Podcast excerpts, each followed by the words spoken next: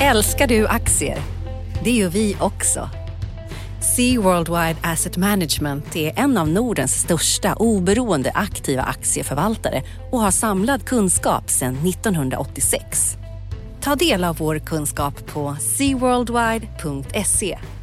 Bokstaven C, worldwide.se.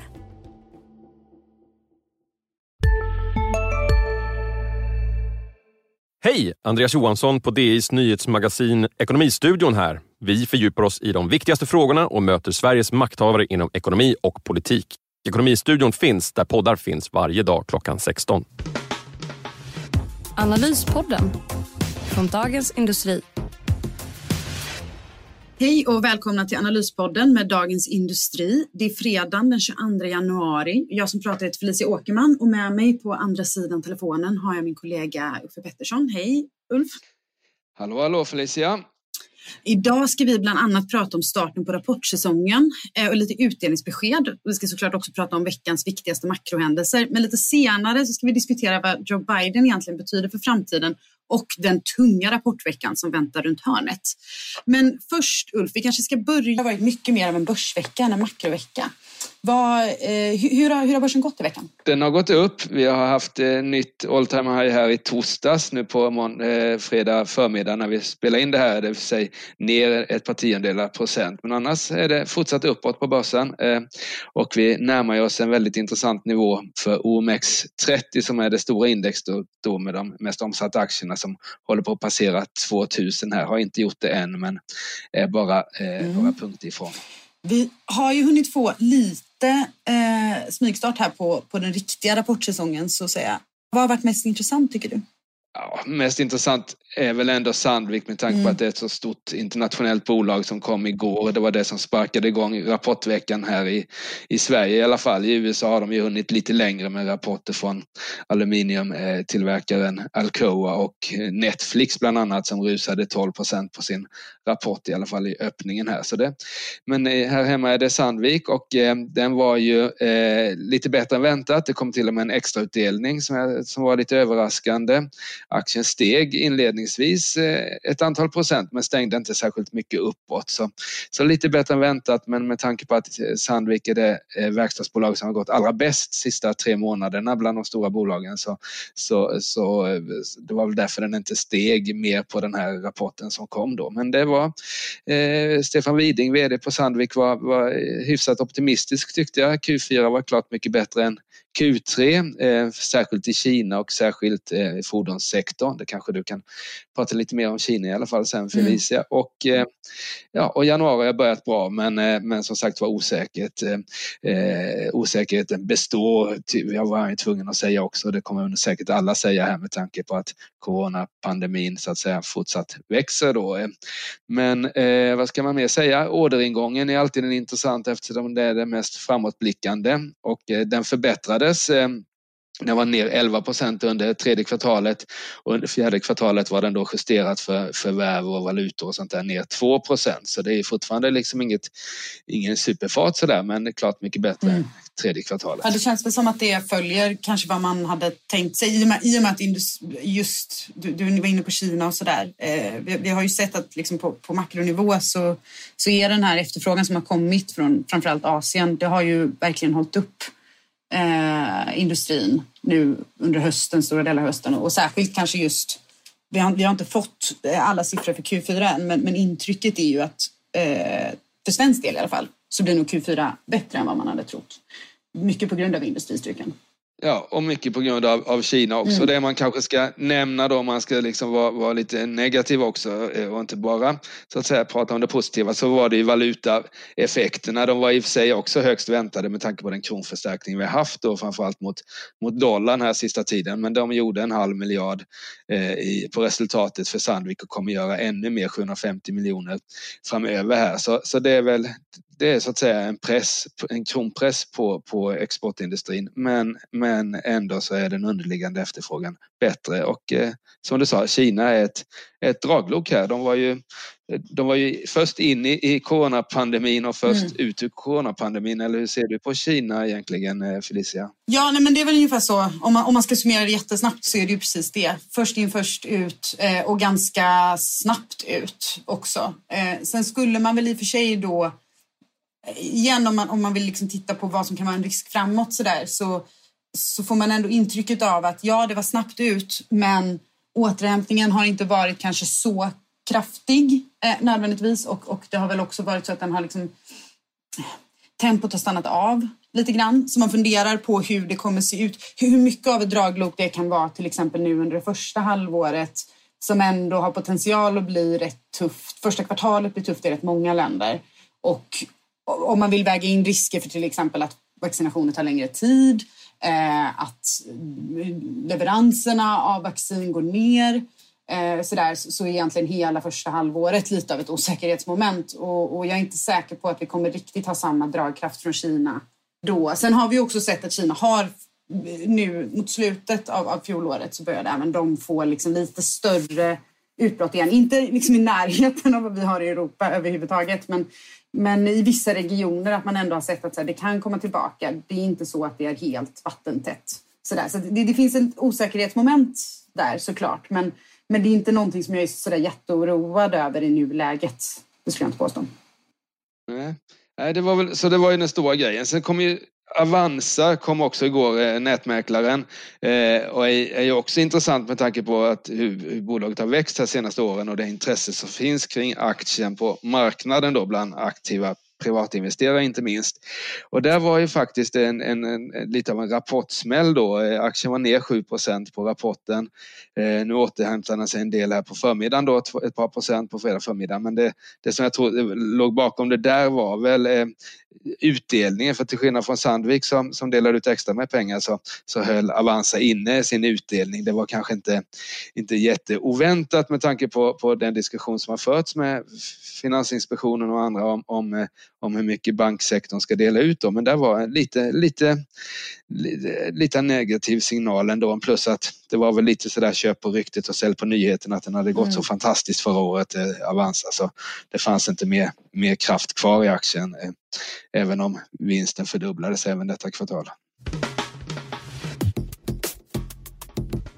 Mer då? Eh, eh, det är väl rapporterna och eh, nästa veckas rapporter, det kanske vi ska avsluta med för, för momentet veckan som kommer här i vår podd då. Men för den stora händelsen som du sa i början här inledningsvis Felicia så har det inte varit mycket av makrostatistik men däremot så har det varit en stor politisk händelse i form av att Biden då blev, verkligen blev president. Det var ju lite... Ja, det, det var, har ju varit, har varit stök, ett par stökiga månader här sen, sen valet. Ja, precis. Och ändå förvånansvärt eh, lugn insvärningsdag, eh, får man väl säga, e-, efter det som hände i samband med att, att resultatet skulle liksom godkännas och bli klart i, i kongressen eh, och, och den här byggnaden stormades och i princip ockuperades så, så var man väl lite nervös för att det skulle kunna bli rätt stökigt här i veckan. Men, men de verkar ha varit bättre förberedda den här gången och lyckats, lyckats hålla det. det. det får man ju säga är liksom den stora grejen som har hänt men samtidigt inte hänt den här veckan för vi visste alla att det skulle hända och det förändrar egentligen ingenting. Och, och lite så har de flesta kanske av, av eh,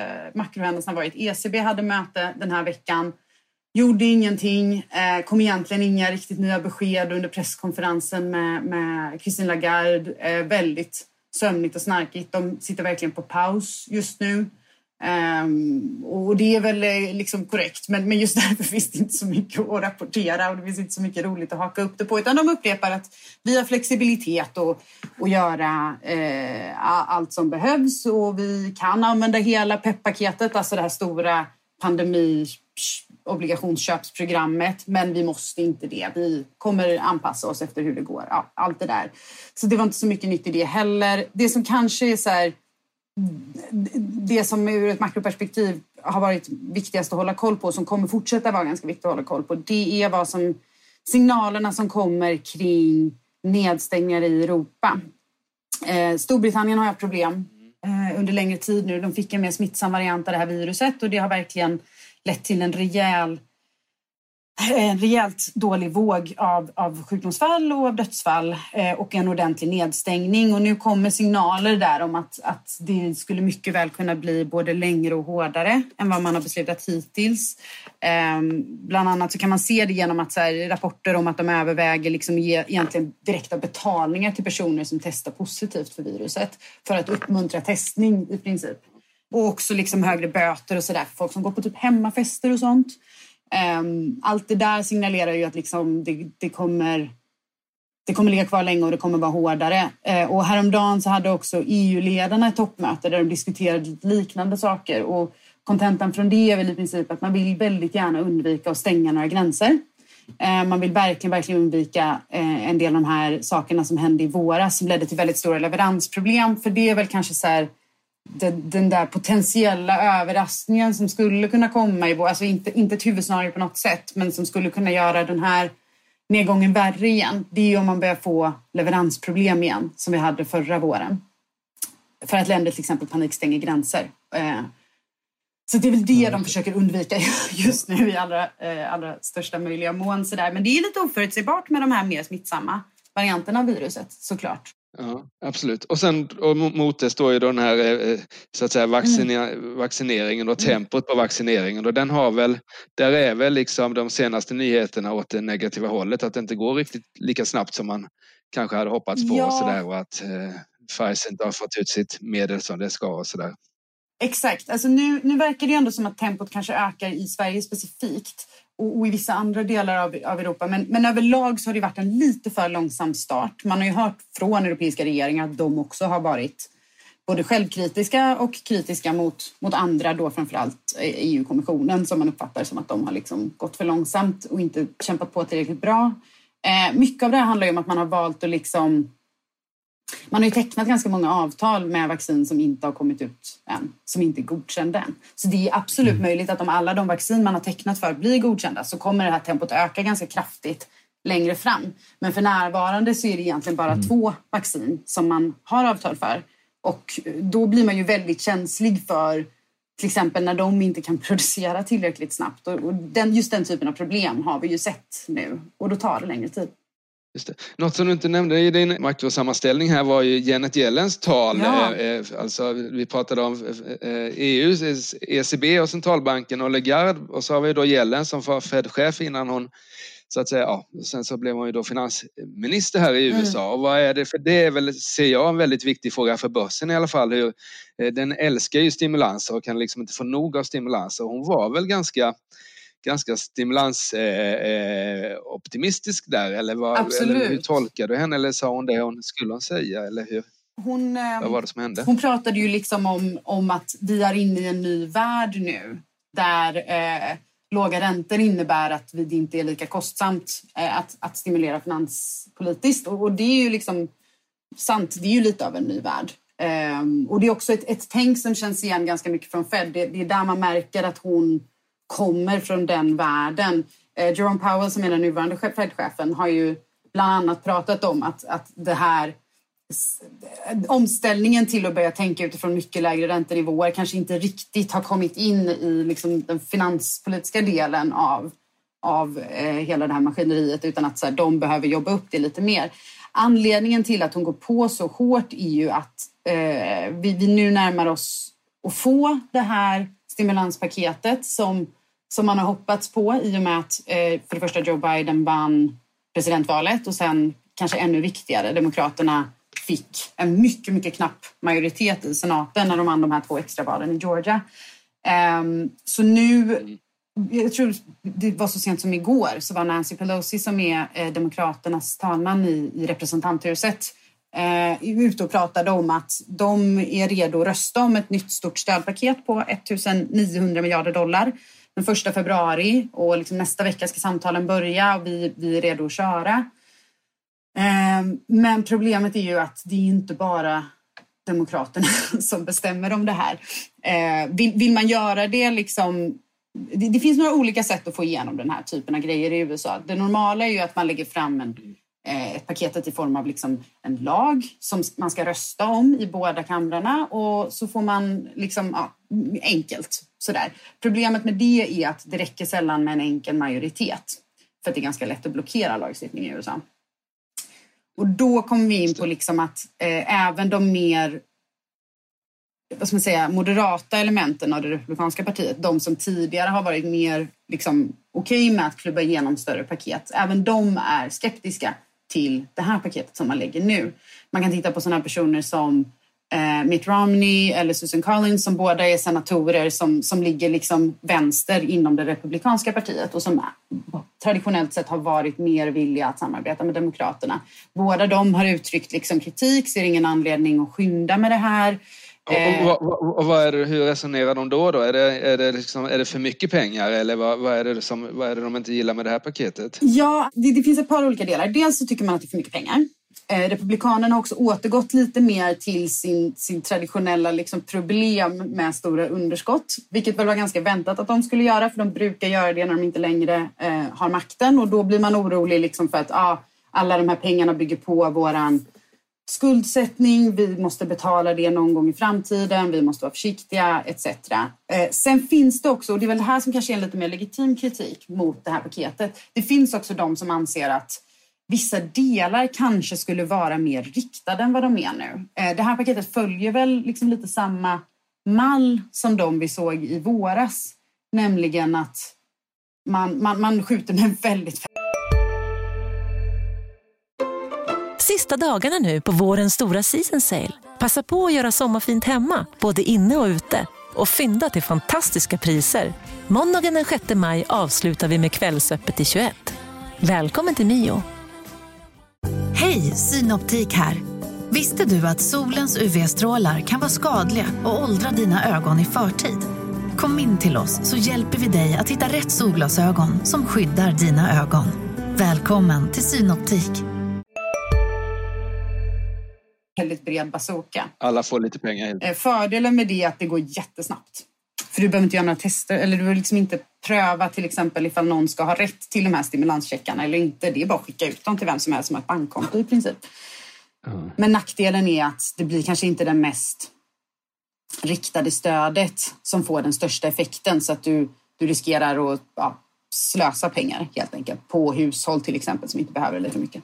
Ja, precis. Men det, det, du sa nu, nu har du sagt här, eh, dels att eh, de tycker det är en, en, en, ny värld nu med de här låga räntorna och att budgetunderskottet då, som det är faktiskt 100 procent nu av BNP i USA, eh, är inte det ett problem? Är, är, det, liksom, är det inte att, är det inte att liksom, eh, glömma historiken lite grann när man, när man inte tror att eh, räntorna kan stiga och det inte är någon fara med 100 procents eh, budget, eh, budget, eh, statsskuld i förhållande till BNP och sådär. Är det, eller är det bara köra på? Hur, hur, hur liksom låter den ekonomiska teorin nu för tiden jämfört med, med tidigare? Det låter som den har förändrats när man när, när, du pratar? Ja, alltså både och skulle jag säga. Det finns olika vägar man kan gå i det här. Det finns ju liksom personer som i princip säger att så här, skuldsättning och budgetunderskott spelar inte längre roll för stater. Det var ett missförstånd. De personerna glömmer nog historien ganska mycket, eh, är, är väl mitt intryck. Eh, men, men det går ju också absolut att liksom titta på Alltså, vi, vi, har ju haft, vi har ju haft till exempel i USA en diskussion nu och framförallt kanske en prissättning i marknaden där man ser en viss ja, oro citattecken för att inflationen ska komma tillbaka. Men det är fortfarande jätte, jättelåga det, det är fortfarande låga nivåer vi pratar om. Om vi ser en ränteuppgång så är det fortfarande inte till några höga nivåer och det, och det mesta talar ändå för att så här, räntorna, även om de stiger från nuvarande nivåer, kommer vara historiskt låga under ganska lång tid. Och då är det väl rimligt att man justerar sin bild av så här, hur stor är en hållbar statsskuld till exempel egentligen? Hur stort är ett hållbart budgetunderskott egentligen utifrån de här nivåerna som vi befinner oss på nu? Så, så här, även en uppgång härifrån är fortfarande låga räntor vi pratar om. Men det är klart, man ska inte glömma ja. historiken helt, för det brukar inte sluta så bra. Nej, det är ju så. Alltså, ska man, betalar man 1% på sin statsskuld i ränta eller vad man, ja, det, mm. man betalar inte ens det, men då, då, är liksom, då är det bara, då kan det ju, mot förr i tiden när man betalade 4-5% så kunde ju statsskulden liksom idag vara då matematiskt fem gånger större för det, räntekostnaden så att säga för att bära den här statsskulden blir densamma. Så det, det har ju en enorm effekt på på eh, statsskulden, mm. eh, hur den finansieras med de här räntorna. Och ska man liksom lägga in någon slags börsresonemang i det här då så har vi nu en, en långränta i USA, en tioåring på 1,1 procent. Eh, och det var väl när den började gå över tre som vi fick liksom, så att säga, påverkan på, på, på börskurserna. Det var när den steg där ganska snabbt ett tag och var i över 3 procent. Det var väl 18 tror jag, 2018. Mm. Och då, då, då fick vi så att säga en ränteoro på börsen. Och jag tror att marknaden kommer bli rejält nervös om vi får en långränta i USA på 3 procent. Men jag tror att vi vi kan nog stiga upp mot liksom 1,5-2 procent utan att, så att säga, värderingen på aktiemarknaden kommer, kommer liksom ta stryk. Men säga, går, man över, går, man, går man en bra bit över 2 då börjar det, liksom, då börjar det bli så där att man kanske kan växla över till, till räntor istället för aktier igen. Mm, precis, och då, då kan man ju fundera på så här, eh, blir, växer den där ränteoron för stor, då tror jag att Fed är redo att liksom lugna igen. För de verkar ju onekligen rätt fokuserade på att det inte ska vara stök på finansmarknaderna. Just nu sitter de lite tillbaka och avvaktar och väntar och ser. Men jag tror att det delvis handlar om att de tänker att det här ny, den här nya världen ska nu anammas av finanspolitiken tack vare Joe Biden och det är nu vi kommer in i liksom att, att den spelar en större roll och då har de råd att sitta och vänta. Om det skulle visa sig att det inte riktigt blir så eller om det skulle visa sig att vi triggar en eh, ränteuppgång som leder till stök på finansmarknaderna, då är de nog redo att vara ganska aktiva igen. Det skulle jag tro. Och om man vänder blicken mot, eh, mot Sverige då, vad är de stora problemen? Här är det arbetsmarknad och den tudelning eh, så att säga, som har förstärkts under, under coronapandemin eh, med att eh, de som var etablerade på arbetsmarknaden snabbt kommer tillbaka om de nu blev av med jobbet eller blev permitterade medan de som liksom låg, låg liksom i ytterkanten här och liksom hade, hade ska vi säga, temporära jobb eller inte, inte, inte lika, lika fast förankrade jobb har hamnat ute och inte riktigt kommit in igen? Eller, eller finns det något annat i vår, den svenska ekonomin och det svenska, svenska samhället som, som är något Nej, större det... problem än det? Eller hur, hur ser du på Sverige? I alla fall om man vill titta ett lite längre perspektiv. För just nu, alltså det är lite samma sak som här, skuld, skuldsättningsfrågan i USA. Det är ju ett långsiktigt problem. Det är egentligen inte ett problem det här året. För det handlar fortfarande om liksom bara att ta sig igenom nu. Eh, det är så man argumenterar för ett stort stödpaket igen. Eh, och på samma sätt så, så, så här, arbetsmarknaden är väl kanske det problem i Sverige som är långsiktigt det mest intressanta och det man kanske oroar sig för mest. Just för att dels så är det en långsam i sin reaktion så att vi kommer ligga med en högre arbetslöshet ganska länge. Man kan titta på, vi fick ett par nya konjunkturprognoser från några av storbankerna nu i veckan och det kommer några till nästa vecka. Eh, och båda de pratade ju liksom om att här, vi kommer ligga kvar med en högre arbetslöshet under hela prognosperioden som då sträcker sig till 2022 eh, än vad vi hade innan det här började. Det tar lång tid. Men, men också det nästan det känns fortfarande på sätt och vis lite tidigt att prata om så här, de strukturella förändringarna i ekonomin till följd av pandemin. Men det är väl i allra högsta grad rimligt att tänka sig att det finns många företag där ute som har hittat sätt att ersätta eh, jobb som tidigare skötts av viss personal, kanske då framförallt okvalificerad arbetskraft, med, med helt andra processer där de inte ens behöver ta tillbaka de här människorna i framtiden. Jag skulle bli väldigt förvånad om, om det inte var så att vissa sektorer har hittat nya sätt att göra saker på som sänker deras behov av en viss typ av arbetskraft. Så kan det vara, men det har ju vuxit fram andra också väldigt personalintensiva mm. branscher här. Den här, de här, pratar man med folk som är födda på 30-talet så brukar deras karriär alltid inledas med att de var bud, ja, bud, budpojkar i, i någonstans och sen så jobbade de sig upp och blev liksom stora företagsledare och sådär. Och nu har vi ju liksom eh, cykelbuden som, som, och är det inte bara mm. i Stockholm, det finns ju liksom även i mindre städer nu. En, och det är väldigt eh, arbetsintensivt den här, så att säga, som har blivit då sen när vi handlar framförallt mat men mycket annat på, på nätet då som ska fraktas. Jo precis och då, då det som liksom är lite svårare överblickat just nu är väl ifall det är, till exempel, ifall det är ett exempel på en, en, en yrkeskategori som blir mycket vanligare eh, vad får det för effekt på hur de här hushållen konsumerar till exempel själva? Eh, för just nu är det ju någonting som sannolikt har en, en nettopositiv konsumtionseffekt för att det gör det möjligt för människor att konsumera saker som de annars inte hade kunnat konsumera för att de går inte ut och äter till exempel. eller sådär. Men, men vad, vad det får för mm. effekt på liksom sammansättningen av den svenska hushållskonsumtionen över tid när man byter ut jobb på det sättet. Men det är ju jobb som är så ganska lågavlönade och framförallt ganska otrygga. Och jag tror kanske den andra effekten, eller den andra aspekten av det är nästan den viktigaste. Att det är väldigt um, det är en väldigt osäker arbetssituation och det är den, den, en, en sån arbetssituation påverkar hur man konsumerar ganska mycket. Även vid liksom ett så allt annat lika löneläge.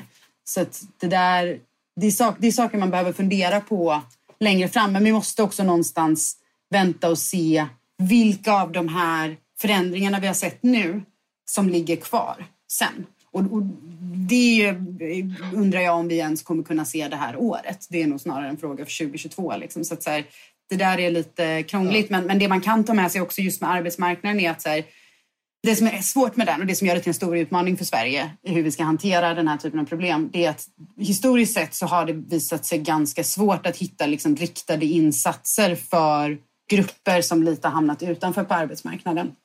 Vi har inte riktigt jättebra track record när det gäller det. Så, att så här, då visst, man kan köra finanspolitiska stimulanser och stimulera efterfrågan.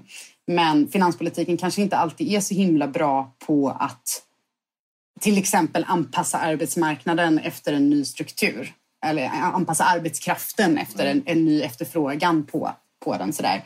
Eh, det är väl något jag skulle hoppas att politiker i Sverige sitter och funderar ganska mycket på just nu.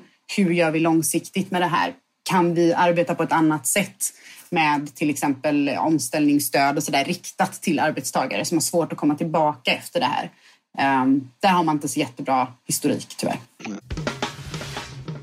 Men om vi, om vi så att säga går lite närmare i tiden då, vi pratar om ja. ganska långsiktiga, väldigt intressanta effekter. I, i eh, nästa vecka då, då pratar de om att bankerna, eh, det återstår en del banker att lämna, lämna eh, konjunkturprognoser här, men finns det något, något annat på din agenda som är liksom värt att hålla ögonen på i nästa vecka som det ser ut? Ja, men nästa vecka blir det roligare för oss makromänniskor. Förutom några bankprognoser så får vi en konjunkturprognos eh, uppdatering från IMF och också deras stabilitetsrapport och sen är det KI-barometer, det är svensk AKU, apropå det vi pratar om nu, alltså arbetsmarknadsstatistik. Eh, och sen är det lite olika BNP-estimat också som kommer, framförallt europeiska men också en, en, en uh, siffra för USA där. Eh, och så Fed, räntebesked. Eh, de kommer inte göra någonting vid det här mötet. Det. Men däremot så kommer Jerome Powell att prata och det kommer bli intressant för att eh, om inte annat så, så här, de, har skickat lite olika signaler kring att ah, vi kanske inte behöver använda alla de här stödköpen. Vi kanske ska avveckla tidigare än vad vi hade tänkt för nu tar finanspolitiken över och så där. Det skapar en viss oro. Hur adresserar han det? Det, det kommer nog bli veckans stora grej. Mm. Men, men för din del, det är ju jättemycket rapporter nästa vecka väl? Ja, det är, då, det är då rapportperioden är kan man säga. Då, höjdpunkten är då den eh, eh 29 eh, nästa fredag här med Atlas Copco som är Stockholmsbörsens största bolag. H&M kommer med sina vinstsiffror, vi vet ju redan försäljningssiffrorna och eh, Ericsson kommer också så det är liksom det är full fart då. Nästa vecka får vi även eh, en bankrapport här från SEB är väl först ut eh, 27. Så det är en, det är en intensiv vecka, eh, eh, väldigt rolig vecka. Eh, det är bokslut också så det är lite extra intressant jämfört med mm. tidigare rapportsäsong eftersom det kan komma lite nedskrivningar och sådär. Telia har ju redan kommit och skrivit ner 7 miljarder av tillgångar i Finland samtidigt som de berättade att de ska dela ut två spänn per aktie här kommande åren. Så det är en väldigt intressant vecka. Eh, och så får vi väl se hur, hur, hur, marknaden tar emot det där då. Jag tror att så, så, som det känns nu med tanke på den uppgång vi har haft eh, senaste två, tre månaderna här, ja egentligen sen, sen mars, men den har ju fortsatt starkt under hösten här. November var en mm. fantastisk börsmånad. Så tror jag det måste till något, det måste till några riktigt positiva nyheter för att för att ska, vi ska få liksom stora rörelser i enskilda bolag. Och det kommer säkert komma sånt men, men som sagt var, bågen är, är, är rejält spänd här så det krävs rejäla, rejäla, eh, rejäla förbättringar för, för att så att säga eh, lyckas överträffa denna håsade aktiemarknad kan man väl säga. Men tror du, tror du att det kommer vara liksom Antingen så kan det ju då bli en ganska sömnig rapportperiod där det inte blir så stora reaktioner för allt det där har ju redan hänt och vi blickar framåt. Mm. Eller så kan det bli ja. så att det blir eh, bakslag för att förväntningarna är högt ställda på just de här rapporterna Förstår du distinktionen där? Liksom, vad, vad tror du? Om jag skulle liksom få gissa nästa vecka så, så är det väl så här då att, att, att rapporterna kommer väl bli bra, eh, kanske till och med eh, lite ja, att, att marknaden ligger liksom i linje med förväntan nu. Marknaden var ju efter bolagen under Q3 och då, då rapporterna var klart mycket bättre än väntat. Men nu verkar det väl som att de går liksom hand i hand, eh, marknad och, och bolag då. Och då är det väl inte orimligt att vi får så ska vi säga, en liten sån här eh, negativ effekt och att man har liksom köpt upp aktierna. Nu finns det inte mycket mer att köpa på och man börjar så att säga titta lite i andra delen i vågskålen och fundera lite på corona och så får man en, en liten rekyl på några procent men inte liksom eh, inte tvåsiffrigt utan, eh, utan, att, utan att den här uppgången är hyfsat väl underbyggd med de resultat vi kommer att se och de låga räntor vi har. Men ett litet, litet bakslag skulle jag gissa på att vi kan få här under eh, februari exempelvis. Okej, okay. ja men då ser vi fram emot det höll jag på att säga. Man kanske inte ska se fram emot ett bakslag men det vore ju trevligt om det blev ett litet ett i alla fall. Ja, eh, så är det. Men som sagt var, eh, Osvuret är bäst. Rapportsäsongen ska bli otroligt intressant att följa. Ja, ja, men då så. Då får vi se när vi summerar nästa vecka hur det faktiskt ser ut. Men med det kanske vi ska avrunda för den här veckan. Eh... tycker jag vi ska göra eh, och ladda för, för nästa vecka som sagt var. Och lyssna på våra kollegors poddar också, ja, eller hur? Exakt. Vi har ju bland annat Digitalpodden som Blir Digital gör. Och sen har ju vår kollega Viktor Munkhammar en makropodd som heter Makrorådet som jag rekommenderar. Eh, och sen finns det ju också om man verkligen har svårt att liksom Eh, fylla sitt lyssningsbehov så har vi ju även dagliga poddar eh, i form av Ekonomistudion och vår morgonpodd. Så det finns gott om saker att lyssna på. Tack för att ni har lyssnat idag. Och eh, vi får önska er en skön helg och så tar vi nya tag nästa vecka. Trevlig helg. Tack så mycket. Analyspodden från Dagens Industri. Programmet redigerades av Umami Produktion. Ansvarig utgivare Peter Fellman. Hej! Andreas Johansson på DIs nyhetsmagasin Ekonomistudion här. Vi fördjupar oss i de viktigaste frågorna och möter Sveriges makthavare inom ekonomi och politik. Ekonomistudion finns där poddar finns varje dag klockan 16. I DITVs program Hållbart näringsliv fokuserar vi på företagens E, S och G. Vilka är utmaningarna och vilka är lösningarna?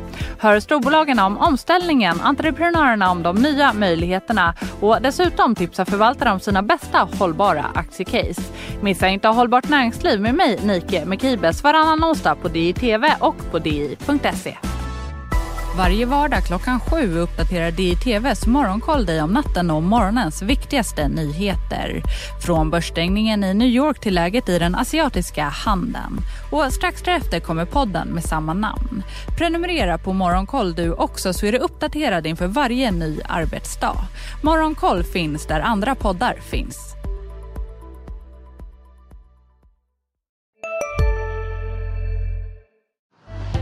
Älskar du aktier? Det gör vi också. Sea Worldwide Asset Management är en av Nordens största oberoende aktiva aktieförvaltare och har samlad kunskap sedan 1986. Ta del av vår kunskap på seaworldwide.se. Bokstaven C, worldwide.se